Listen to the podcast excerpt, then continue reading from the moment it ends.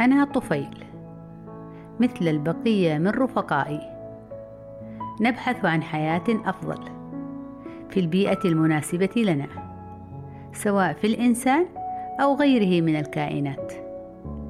نتمنى لنا استمرار البقاء ومقاومة القضاء علينا. فالحياة صراع والبقاء لله وحده.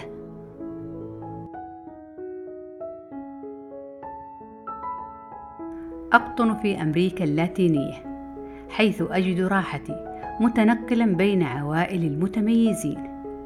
فذاك إنسان بمرض شغاز مصاب وتلك بقة جميلة تدعى الترياتوما تحملني وتلبي لي حاجتي. فماذا أريد أكثر؟ فكل ما أحتاج حولي ولا ينقصني شيء.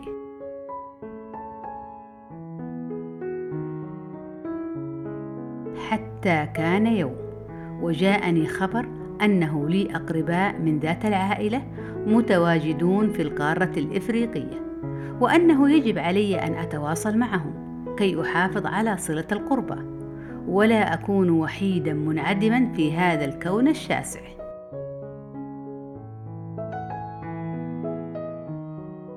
عندها ألزمت بقتي الجميلة بحملي في أحشائها وكابدت عناء السفر إلى تلك المناطق. باحثا عن من تربطني بهم صلة دم ونسب. بحثت كثيرا حتى رأيت حشرة طائرة ماصة أيضا لدماء بني البشر.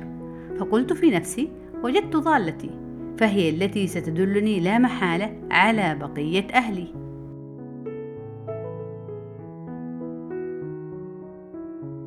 اقتربت منها وعرفتها بنفسي وبادرتني هي كذلك بالتعريف عن نفسها. قالت وليتها لم تقل. قالت أنا ذبابة أتسيتسي التي أحمل الأطوار المعدية لأقربائك المسببون لمرض النوم المميت في هذه القارة السمراء. تقولها بكل فخر واعتزاز وأنا في نفسي ناقم عليها فقد سمعت كثيرا عن هذا المرض الفتاك ولم يخطر ببالي أن من يتسبب فيه هم أهلي المقربون. هي قالت ذلك وأنا لسان حالي يرد عليها بغضب شديد إذا لم تستحي, تستحي فاصنع ما شئت, ما شئت.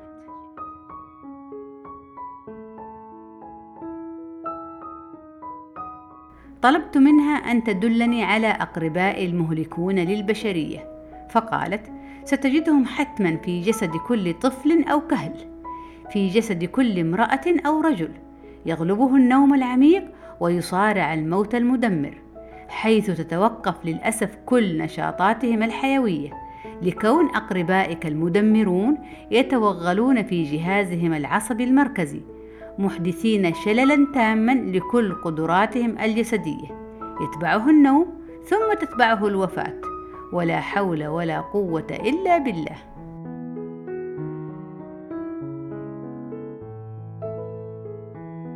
بحثت عنهم وعندما رأيتهم رأيت ما يدمي قلبي ويحزن نفسي. من أناس مصابون وذباب يحلق فوقهم.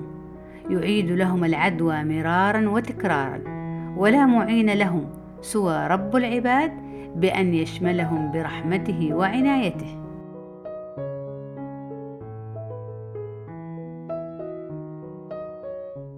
لم أجد ما يسرني أو يبهج نفسي وينعش روحي. عند جماعتي في إفريقيا. لم أجد ما يشرفني ويجعلني أفخر بمعرفتهم.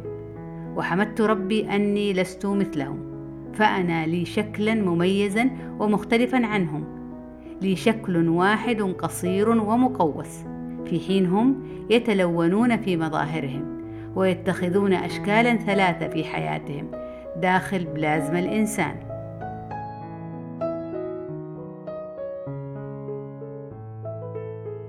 حمدت الله ربي أنني رغم أذيتي للناس في موطني إلا أنني لست مدمرا جبارا ومهلكا مغوارا كما يفعلون هم في عباد الله الأفارقة. عندها فقط قررت الرحيل دون عودة. رجوت بقتي كثيرا كي تعيدني إلى موطني إلى مسقط رأسي. نعم أريد العودة وبسرعة. نعم لقد قامت بقتي مشكورة بحملي. وعدت أدراجي حيث كنت حزينا مصدوما.